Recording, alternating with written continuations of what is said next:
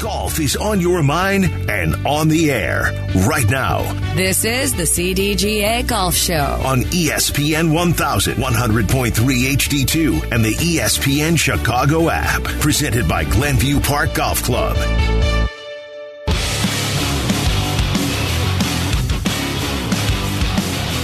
Welcome on in. It's the CDGA Golf Show on ESPN 1000 and 100.3 HD2.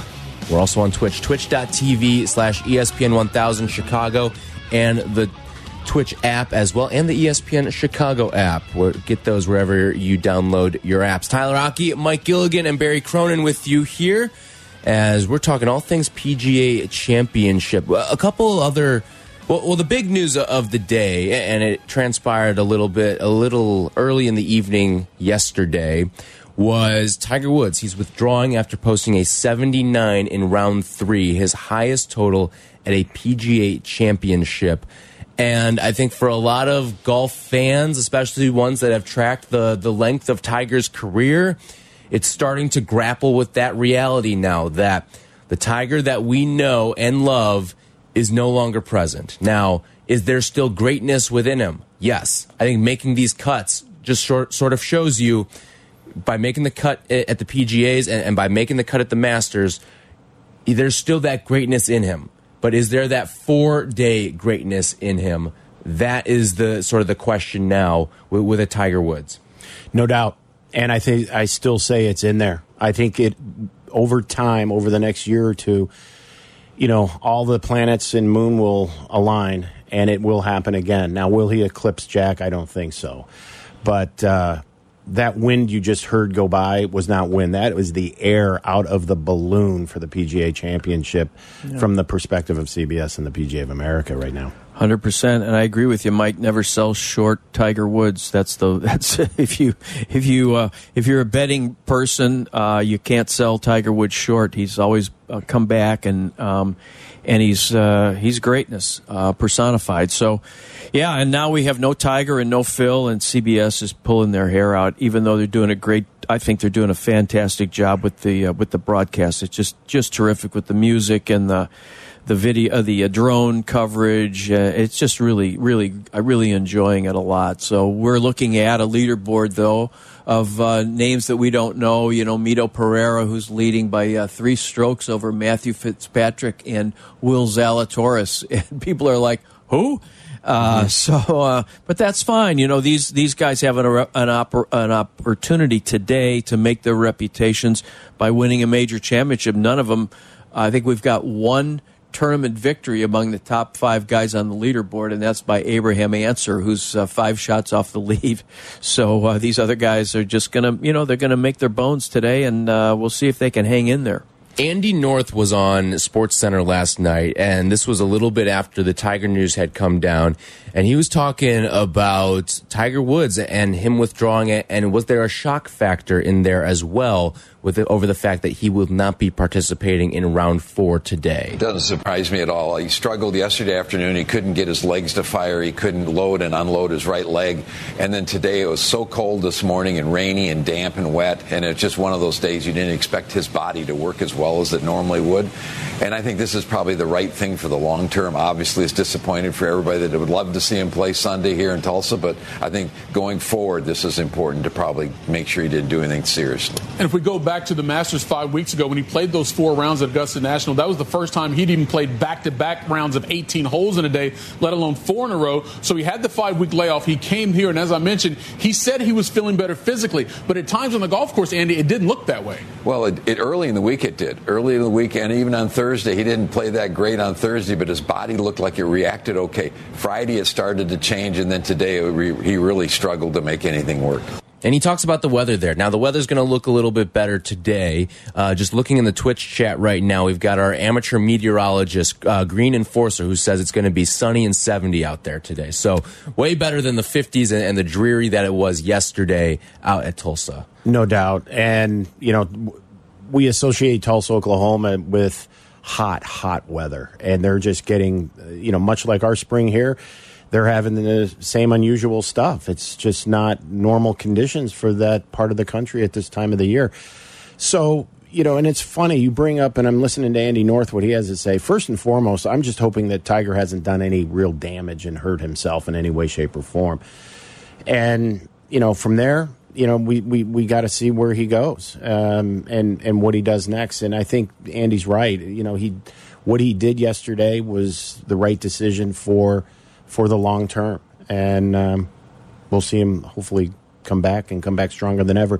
But his body language, it's amazing now at this time of his career. You can tell how Tiger is doing just by the way he is walking. When he is playing good, you can tell he's got that certain bounce in his step and that strut. But when he when his game falls off a little bit, I mean he he looks like a, a shell of a tiger we know. Right. This segment brought to you by Golf Elgin, home of Bowes Creek Country Club and the Highlands of Elgin. I want to get into the TV aspect of this now because ESPN rolled out something pretty cool for the PGA Championship this week. And it obviously made sense with the way that they wanted to incorporate Joe Buck because Joe Buck signing the deal to come over from Fox, and we saw Joe Buck a little bit on some of Fox's golf coverage for that little twinkle in the eye that uh, the partnership between Fox and the PGA Tour had for a little bit. But what did you guys make of the mega cast that him and Michael Collins had? Because personally, for me, I thought it was great. I thought having that extra option, and not just that, but creating an extra window of golf on mainstream television as opposed to having to try to decipher through and find passwords for this and that and Yeah, get 100%. ESPN Plus and all Yep. that. The inconvenience of it uh, of trying to watch golf in a streaming age uh, that I think a number of people are grappling with right now and maybe deterring some people from watching extensive golf coverage from the time the first group tees off to the time that the the last group is in the clubhouse. I like to have this extra hour or two of of broadcasting coverage, and on top of that, too, it's thoroughly entertaining with the guests that they bring on. It's it's on right now as well. Um, but having this extra option over the course of four days, I thought it was fantastic for golf and something that needs to be incorporated more moving forward. I agree hundred percent. Um, uh, you unless you if you didn't have ESPN Plus, which of course everybody should have ESPN Plus because we are on ESPN. Um, but if you didn't, um, you wouldn't be able to see Tiger, Rory, and Jordan Spieth play in the morning on Thursday.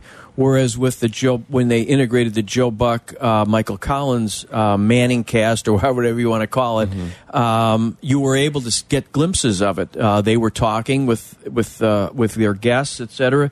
They had uh, Fred Couples and Travis Kelce and Eli and Peyton on there um, at various times. Uh, but at least you could watch the golf while that was all going on, which was great. And I do think it does it does bring people who are not big golf. It brings casual golf fans into golf uh, because all these players, these these athletes who are playing football and baseball and whatever, they all love golf because and that's all they can play after they retire. Right. And uh, and I think it's great to to show people, hey man, the people that you watch, you think a lot of people think we grew up golf's not a real sport. You know, because if you're not running around, uh, running around the bases or running around a football field or running around a basketball court, then you're not playing a sport, and, which is ridiculous. Um, so, uh, but the fact that these guys are all into it makes, I think, the casual fan go, "Oh, maybe golf is pretty pretty good." You Right. know, and I think that's great a great way to introduce golf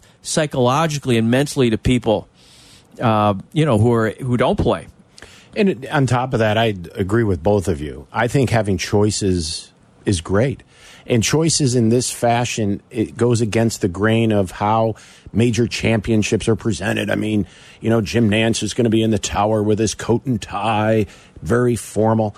Look at Michael Collins, what he's wearing today. I think he's got a new sort of like minor league baseball jersey T-shirt every Yeah. single day. And so the casual sports fan can identify with what Joe Buck and Michael Collins are doing. And I think, Barry, you hit the nail right on the head. The average sports fan can now start to gravitate to watching golf because between having Travis Kelce and some of these other notable names, basically telling you that golf is cool. Right. So you want some numbers here behind this? ESPN says that Thursday's PGA Championship coverage averaged one and a half million viewers. That's their largest first round audience in 20 years. And the first hour of the Manning cast with Joe Buck and Michael Collins had 684,000 viewers, an 80% increase over the same time slot last year. They averaged about 90,000 on E ESPN2. Those are monster So numbers right total here. then, so the total then comes out to over two million. Is that is that right, or is that included? Well, so in, I, I think with the TV ratings, they, they combined them. since it's the same event, Right. they, it all Okay. gets smushed together there. But you know what? Listen, we were talking earlier about the PGA Championship being the little brother of the U.S. Open or whatever. But look, it you've got the Masters and all the formality and the green jacket and the whole deal, and you've got the U.S. Open and you with their with their whole deal, the USGA guys running around out there putting the pins in the wrong place, usually, although not all the time. Um, and then the British Open. So they all have each one of them has its own brand, its own distinctive identity. The PGA really has been groping for its own identity for years. You know, now they're going, wait a minute, this is a way to distinguish themselves from the other three majors and to distinguish themselves from the PGA Tour. So this is really a good branding exercise, I think, for the PGA to become uh, more accessible, and it should be because if you think about it, the PGA of America and the twenty-eight thousand golf pros that, that that really are the the people that connect, you know, that help people learn the game, that conduct all these tournaments. It's a it's a it's more of the um, the common man uh, sort of a uh, of a situation with. With the with the average golfer. So I think this is a really good branding thing in addition to being good on TV.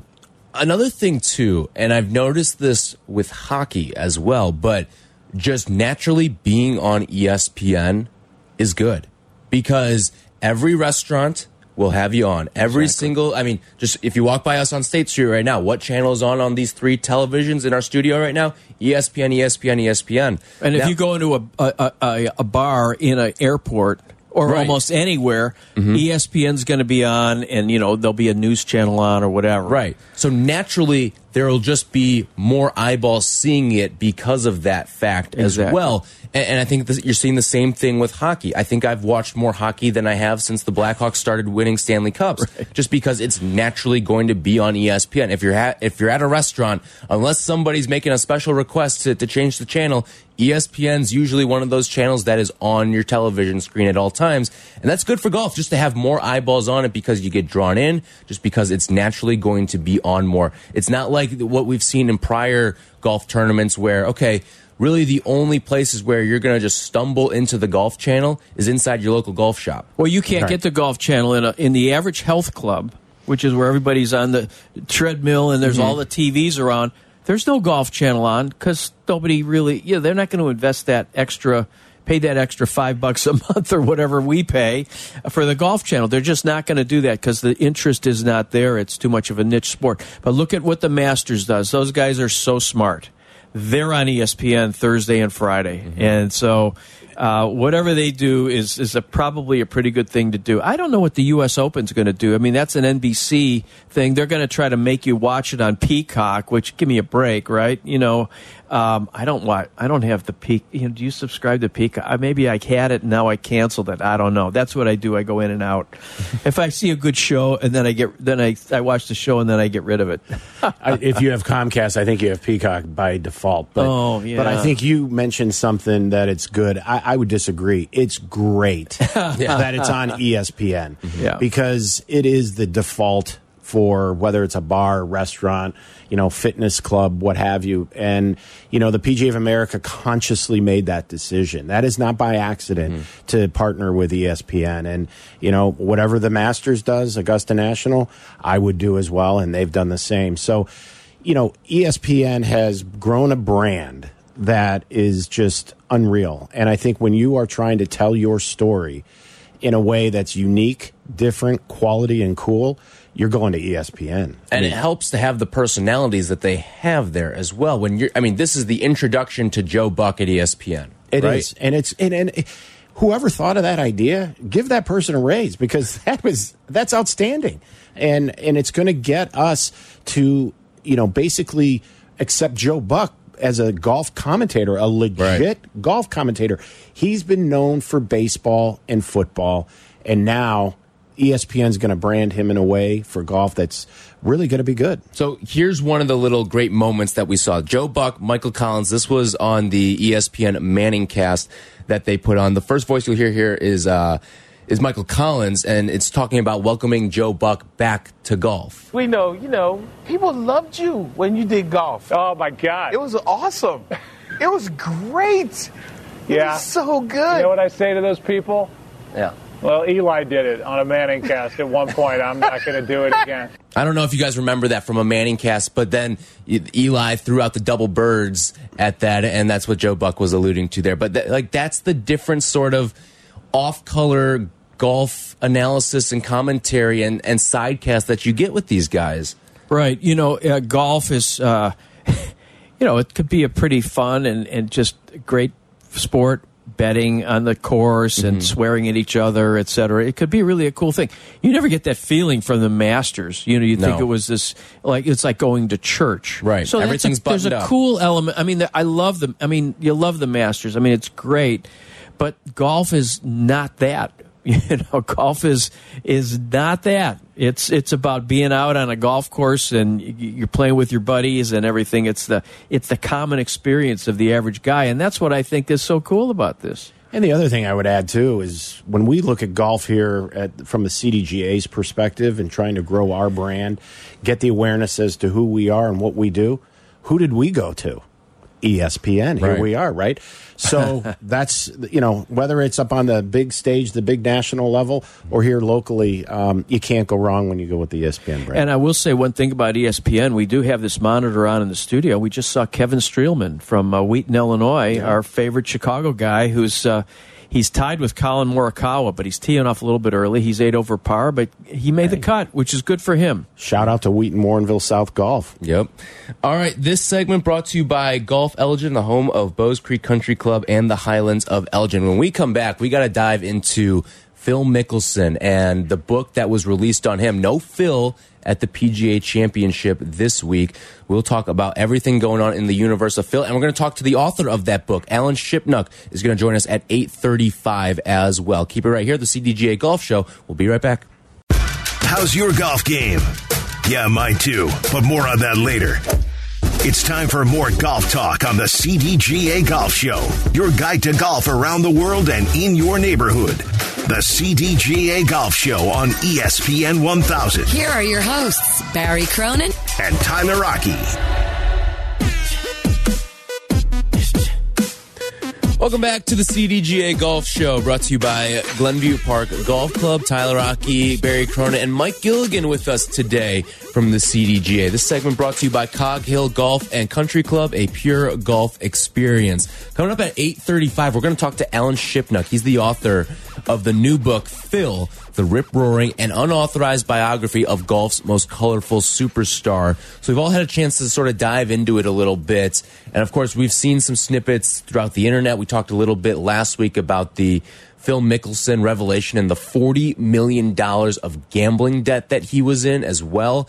And of course, the, it all sort of ties together with the, the Saudi Golf League. But we found out earlier, about a week and a half ago, that Phil Mickelson was not going to be participating in the PGA Championship. And now there's all the rumors of why. Is it because he's suspended? Is it because he truly doesn't think he's in shape to go out and compete and defend his title from a year ago? But going through and paging through this book so far, what you've read from Alan Shipnuck, what to you guys was the biggest revelation that you found from the book? Well, for me, first and foremost, I was amazed at how it's such a great read. It is a page turner. It's kind of like uh, eating potato chips. You just can't eat one. And all, right? of, all of a sudden, there's just, the crumbs left, yeah, right? and that for me, that was my experience. I thought the book is fantastic. It gave an insight.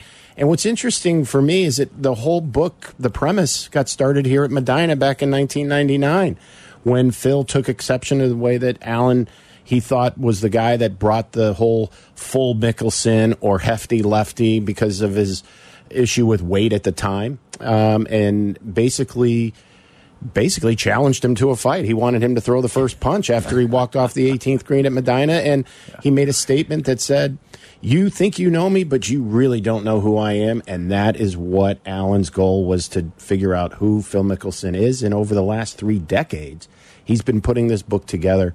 And the thing for me, I am just utterly amazed at how well Phil Mickelson has played tournament golf, major championship golf, under some of the most stressful outside of the game issues going on in his life. Between you know the cancer situation with his own wife to these gambling debts and the amount of money to which he owed and to whom he owed. This wasn't like a little friendly wager between No. you and I. This was you know this is with some Yeah, you shady characters You don't you don't uh, get to uh, owe forty million dollars to a casino, right? Right. You you owe Or it to your- to your friend. You know, I thought uh, one of the interesting um, uh, little epiphanies in the book I thought were uh, was when they were talking about Phil Mickelson playing tournament golf and going into the woods between shots and checking his phone for NFL scores. Yeah. I mean, Yeah. that, that tells you a lot. And all this debt tells you why he has been motivated to go to the Saudi tour for the big, big, big money there that he needs to pay off these people that he owes money to. Willing to totally destroy his legacy in the game, right? Mm-hmm. Not with the high point of his career at age 50 to win the PGA championship at Kiawah Island, which is a great, a phenomenal golf course, an iconic place, as we say. Uh, one of the great things that happened, and he became an Insta- he was an Instagram star before he went into play that, and then afterwards he was a, a social media star. I mean, it was the it was a great thing. He was a hero in golf. He had eclipsed Tiger because Tiger was injured due to the uh, car accident. Here, Tiger, I mean, Phil was going to be Phil. He was going to be number one. Tiger has been overshadowed him for 25 years. And now he was going to be number one. And he's taken this and said, no, I'm going to go and go to the Saudi tour, which is, you know, totally bad. And Tiger denounced him the, earlier this week. Uh, or whatever last last week or on Wednesday or whatever day he had his press conference. So um, yeah, it's amazing because we're here at this PGA championship and we thought the biggest story heading in was going to be Phil Mickelson and his absence. And I don't think people really care all too much that he's not there. right As now. my mom used to say, out of sight, out of mind. And that's really, uh, you know, thinking about it, he has been out of sight, out of mind. I mean, like as we were talking before, Mike, uh, the CBS people and the PGA of America people are like, oh my God, we can't believe Phil's not here. It would have been, think of him coming back. What a hero he would have been to defend his title. He's played not great, you know, since since last year, but what a what a, what a, he could have missed the cut and people would have made every excuse in the book for him and it would have been all right. Yeah, all he had to do was show up and Show not up. have the, the ties to the Saudi Golf League. Ex- exactly. Well, and I and I think actually Phil Mickelson's given a lot of thanks to Coach Saban at Alabama because he took the spotlight this week on a week otherwise it I think would have continued to Yeah. stay on him with his comments, you know, towards Texas A&M and you know the NIL. But that being said, and I agree with you, you know, and it's been interesting to see how he has handled this. He has stayed away, and like you said, Barry, out of sight, out of mind. Where Tiger eventually just came straight out, faced the music, and went on. And I think then the healing and the forgiveness and the remorse and all of that can then begin to take place. And until Phil starts to show his face and be in the public eye, um, can that process really get started? So, in my own opinion, he's delaying that from happening. But I think there's also a good reason why he has to be that way. My sources tell me that he's on a seven month quiet suspension by the PGA Tour. And whether that's true or not, but I've heard that from some very Well, exactly, Mike. But what's with the PGA Tour? Why don't they just announce it, right? Every other sports league announces it. Baseball, football, guys get suspended all the time. What's the big deal? You have guys getting uh, quietly quietly suspended for back in the day, you know, drug use or whatever. They got caught with some uh, weed in their blood because they do test them every tournament. There's there's there's mandatory drug testing for different people Why don't they just announce it? What's the big deal, right? Uh, well, if you read the book, that's the way Phil likes to control the narrative. And Phil probably made a deal and said this is pa- all part of the master scheme. And that's that's the biggest takeaway I got out of the book. Phil manipulates everything. Phil has to be in control. He's a control freak. Mm-hmm. And if he's not in control, he's not happy. Right. Well, you know, there's an old myth, Greek mythology, uh, Icarus and Daedalus, and Icarus is the guy who uh, who flew a little bit too close to the sun, and the wings that his father made him, Daedalus made him, uh, part of them were wax, and they melted because he was, and, and it's and and it's an example of hubris, arrogance, and it's it's as old as mankind, right? And uh, that's Phil in every way, and this is when his hubris basically destroyed him.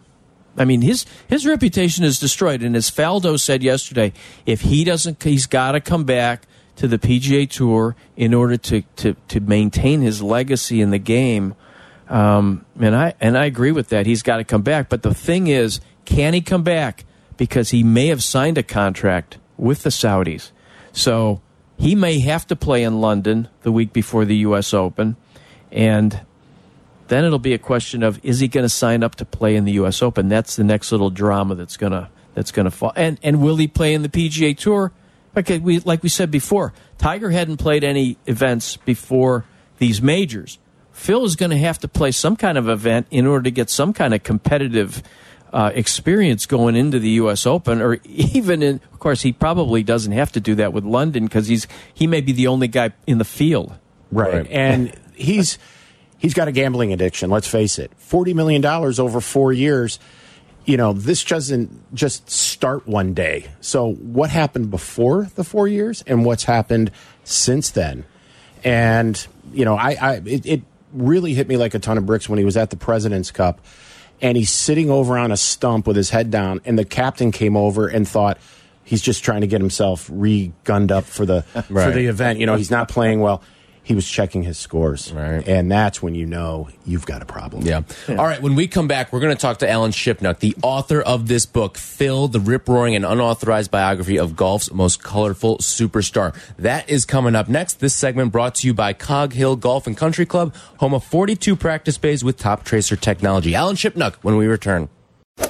Welcome into the CDGA Golf Show on ESPN 1000, presented by Glenview Park Golf Club. Here's your hosts, Barry Cronin and Tyler Aki.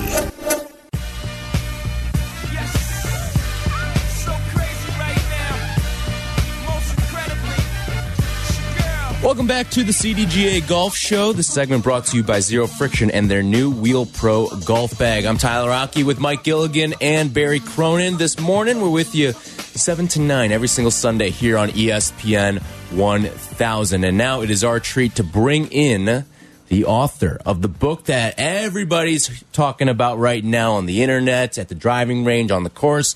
It is Alan Shipnuck, the author of Phil, the rip roaring and unauthorized biography of golf's most colorful superstar. Alan, thanks so much for joining us this morning on the Jersey Mike's hotline. Jersey Mike's a sub above. Appreciate you taking some time with us today.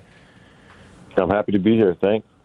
Alan, uh, tremendous uh, read. Mike uh, Gilligan was just saying, uh, and I agree with him 100%, what a page turner it is and how, what a joy it is uh, to read. Um, and the first, for, for Chicago people, um, the first uh, introduction, the prologue, I guess, is is about how you and Phil Mickelson started uh, arguing underneath the grandstands at Medinah at the 1999 PGA Championship. Um, tell us a little bit about that. Yeah, well, Phil and I go way back. I mean, my first year covering the tour for Sports Illustrated was 1994. That was his second full season. So we've had we've had quite a history. We- We've had our ups and downs interpersonally. Um, and yeah, that the nadir was probably this little this little. We were nose to nose at Medinah. Phil was unhappy about some things that were in this reader mailbag that I'd published. He, he was expressing a displeasure, to put it mildly. uh, but uh, you know, we patched things up, and over time, I had a lot of access to Phil and and people around him. I've been to his home. We, we've dined together at his golf club. Uh, after he won the the British Open in 2013, I was sipping champagne with him and Amy, his wife, um, by the Muirfield Clubhouse. So I, you know, he's he's quite a shapeshifter, and uh, I've been I've been it's been helpful for me to see him in so many different settings and, and see kind of the different sides of of Phil because that's really what I was trying to do in this book was just capture the the multitudes that live within him. He's a very complex, contradictory character, and, and that kind of informs the whole book. I thought it was interesting uh, how you went back and got people from uh, back, way back in his life, and how you described how he went to school with his uh, with his shirt collar flipped up in his golf in his Sansabelts and his golf uh, clothes. And this had to be, you know, in the mid '80s, right, uh, for high school, and everybody else is, uh, uh, you know, Ridgemont High, uh, and this is in California, right, in San Diego. So, um, it, it's such a stunning difference between him culturally and everybody else he's in school with. Yeah, I mean, one of the guys that, that Phil played a lot of golf with in high school era. He's quoted in the book says, "I hate to say it, but you know, Phil was a nerd." And, yeah. Um, but more to the point, it was like he knew he was going to the PGA Tour, and so he dressed like a tour player. Because he was going to go right to the golf course straight after school, and so he didn't understand the point of you know dressing like a surfer dude during the day and then having to change. Like he just wanted to be a golfer. So by the time he woke up until the time he went to bed, he, he looked like a golfer. He dressed like a golfer, and he thought about golf. So I think it's it's a funny story, but it's also revealing of you know Phil's mentality. I mean, he always had this vision for for who he was going to be, and a few stray barbs in in the hallway wasn't really going to change that. Yeah, um, and you know uh, the other thing, uh, uh, Alan, is that it's it's an unauthorized biography, and yet you see, and a lot of times, uh, famous people will call around to their to their friends who they know some author wants to interview and and try to shut it down. And it doesn't seem like that happened. It seemed like you you did have a lot of access to a lot of people around him. Yeah, and and some of that is just from my my long career covering Phil, and I was able to draw upon you know many years of of reporting and many stories I've I've done on Phil. Um, but, you know, I, I mean, I went to Phil face to face three times, kind of early in the process of this book, and and asked him if he would sit for interviews, and he thought about it and ultimately declined, which was fine because, as I said, I didn't really need him. I've I've had so much Phil in my life, mm-hmm. uh, professionally anyway, and um, but I did explain to him that it was in his, I thought it was in his best interest just to tell every, tell his side of every story and put his spin on things. And so I think he, he took that to heart in, in what you're talking about. And because people called me back, you know, his college buddies and people from his high school uh, playing days and, you know, swing coaches and close friends. And so I think, I think even though Phil most of the process decided he didn't want to be interviewed for the book. Um, he he didn't slam the shutters down on the, the people around him because he did want his story told, and I think he knew it'd be advantageous if people closest to him could speak to me because. Uh, if, if all those folks say no, then then you start moving out to the next layer of, of people who maybe aren't as close to Phil or don't see things quite the same way he does. So it was important to get so many different voices in the book. Alan, Mike Gilligan here. Um, first and foremost a tremendous read. And what I took away, you know, I was a tournament director at the 99 PGA, and the story you open up with and how the book gets set up is just simply tremendous. And at the end of that interaction with Phil, he says to you, You think you know me, but you really don't know who I am. And that was how the book got set up. So, after three decades, there's probably nobody that knows Phil Mickelson better than you. Given where we are today, what does Phil do now? What's your prediction? Let me hear it. He's a real crossroads, you know, personally and professionally, and he's kind of caught between these two worlds. There's the the funny money from the Saudis, you know, well into the nine figures that are dangling in front of him. That's led him down this path um, to this current moment where he's in exile. And then there's the PGA Tour, which has always been his home and has been this great platform for him to uh, you know, reach fans and build his brand and, and also make a hell of a lot of money. But you know, he's had his battles with the tour behind the scenes, and sometimes it's spilled into public view. And there's, there's these grievances that, that that Mickelson has nursed for a long time, and uh, if he goes to the Saudis, he has total control of the situation. He can call the shots. You know, he helped essentially uh, write the operating agreement for the Saudi tour. So in this new media environment, you know, Phil's wanted control of his media rights. He's wanted to be able to make NFTs of his highlights. The tour's not really going to give him what he wants, but the Saudis will. So um, at the same time, you know, I think if if Phil goes all in the Saudis, it's going to be hard for a lot of fans to forgive him because they are bad actors on the world stage. I mean, 15 of the 9/11 hijackers were from Saudi Arabia, and they did just assassinate a couple years ago. You know, Jamal Khashoggi, a, a Washington Post reporter who was a resident of the United States, and they're toxic. Uh, and so, I don't think Phil quite understood the emotion around Saudi Arabia. He certainly does now, but um, if you know, it, there's there's a road back for Phil. I mean as Jack Nicklaus recently said, we are a forgiving nation. And you look, Tiger Woods put his fans and his family in the game through much worse with his scandals, and yet he's never been more beloved. So, you know, sports fans love a comeback. They love a redemption story. They're definitely ready to cheer for Phil again. But if he goes all in with the Saudis after the things he said about them, and, and we know his innermost feelings,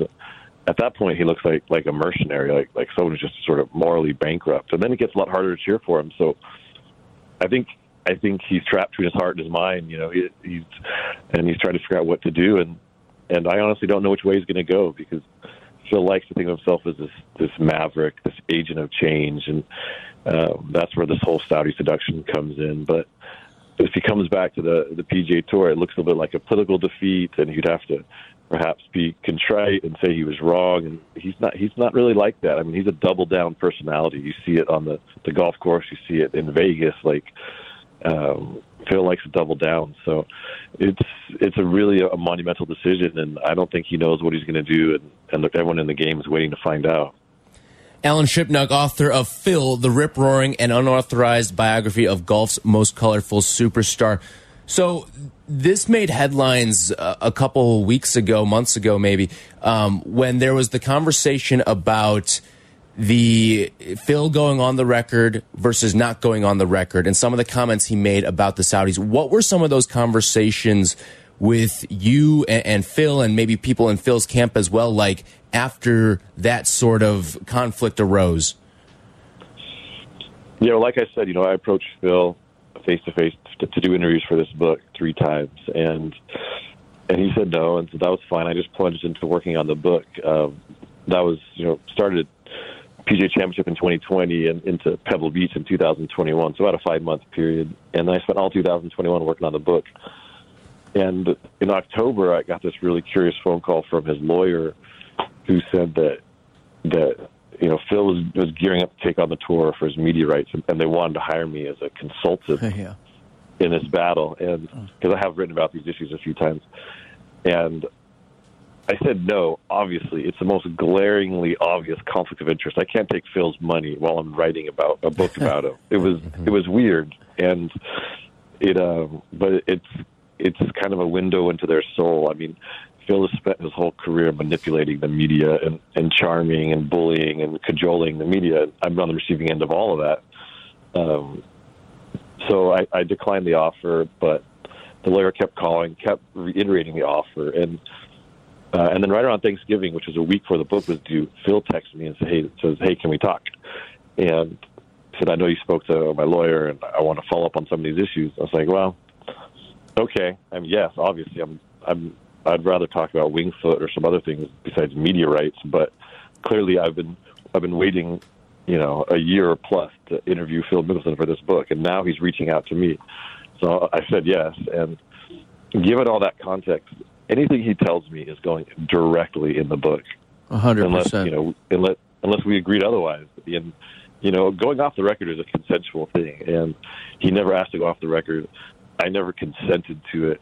And if he had asked, I mean, I would have pushed back really hard. This is my one chance to talk to him for the book, and so.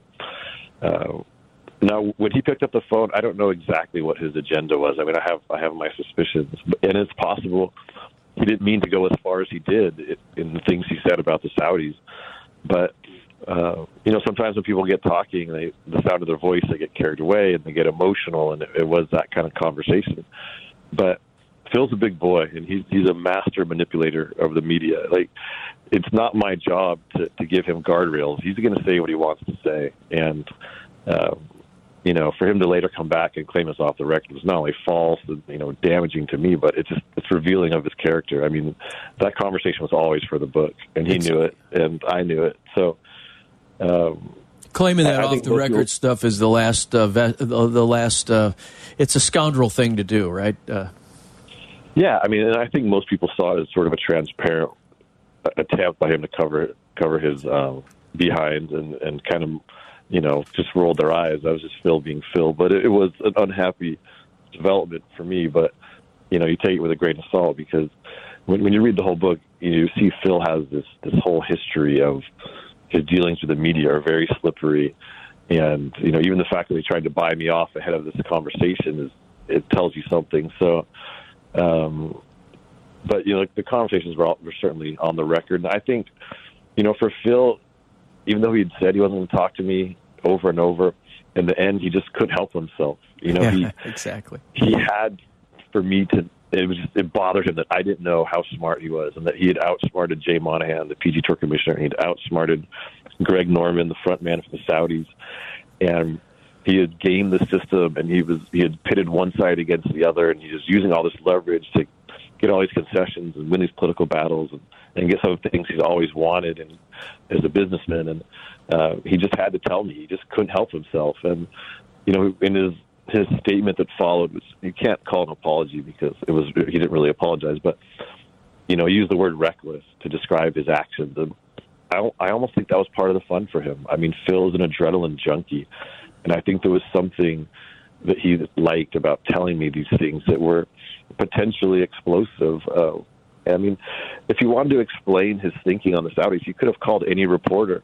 He called the one guy who's writing a book about him, mm-hmm. and it's it's somewhat baffling even now to me. And and there's part of me that wishes he had never called me because, as I said, the book was done. I mean, it was due in one week. I was just putting the last you know coats of polish on it, and it was already what I wanted it to be, which is this this really fair, balanced look at this really complicated personality. And there was already some juicy bits with the breakup with Bones, you know, the real story there, and the real story about Phil and Billy Walters, this famous Vegas gambler who, you know, they got involved in this insider trading case, and there was enough stuff in there that was going to create some energy and some buzz. Like I didn't even need the Saudi stuff, but once he called me and told me, you know, this is this is the, the, the this is the biggest issue in professional golf. I mean, it the Phil and the Saudis are threatening to blow up the entire world order of the professional game.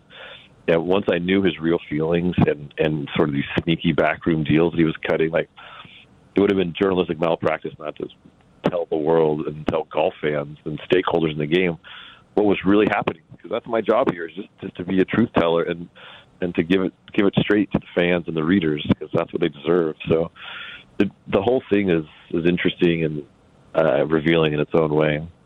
Alan Shipnuck, the author of Phil the Rip Roaring, an unauthorized biography of golf's most colorful superstar. Go get it on Amazon or wherever you order your books. Uh, Alan, thanks so much for joining us here on the CDGA Golf Show, and we, we appreciate you putting out the the book for everyone to enjoy, and also for joining us here. No, thanks for having me. and we can't wait till vo- for volume two. yeah, I mean that's the thing is the story keeps going. We don't know when Phil's coming back. We don't know what's going to happen with the Saudi stuff. Does he have? Is he going to be able to get back in the good graces of the fans? I mean, there's there's the last chapter is yet to be written, and uh, it, it's going to be fascinating to watch. Yeah, absolutely. No All doubt. right, thank No you, Alan. You have a great day. Thanks. All right, thanks. Ed. All right, when we come back, we will go through a couple quick things going on in the CDGA. This segment brought to you by Zero Friction, the most innovative products company in golf. From PGA to where you should play, this is the CDGA Golf Show with Tyler Aki and Barry Cronin, presented by Glenview Park Golf Club. This segment brought to you by X Golf Downers Grove with easy access off of I 88 and I 355. We thank Jake Cantu for producing, Alan Shipnuck for joining us today. What do we have going on in the CDGA this Two week? Two tournaments this week. The NV5 Invitational at the Glen Club starting Thursday. Patrick Flavin, sponsor exemption, and the KitchenAid Senior PGA at Harbor Shores in Benton Harbor, Michigan. Check them out. All right. Well, we appreciate everyone for listening, tuning in, watching on Twitch as well. We'll be back next week, same time, 7 to 9 every single Sunday. This segment brought to you by X Golf Downers Grove with easy access off of I 88 and I 355. We'll talk to you guys next week.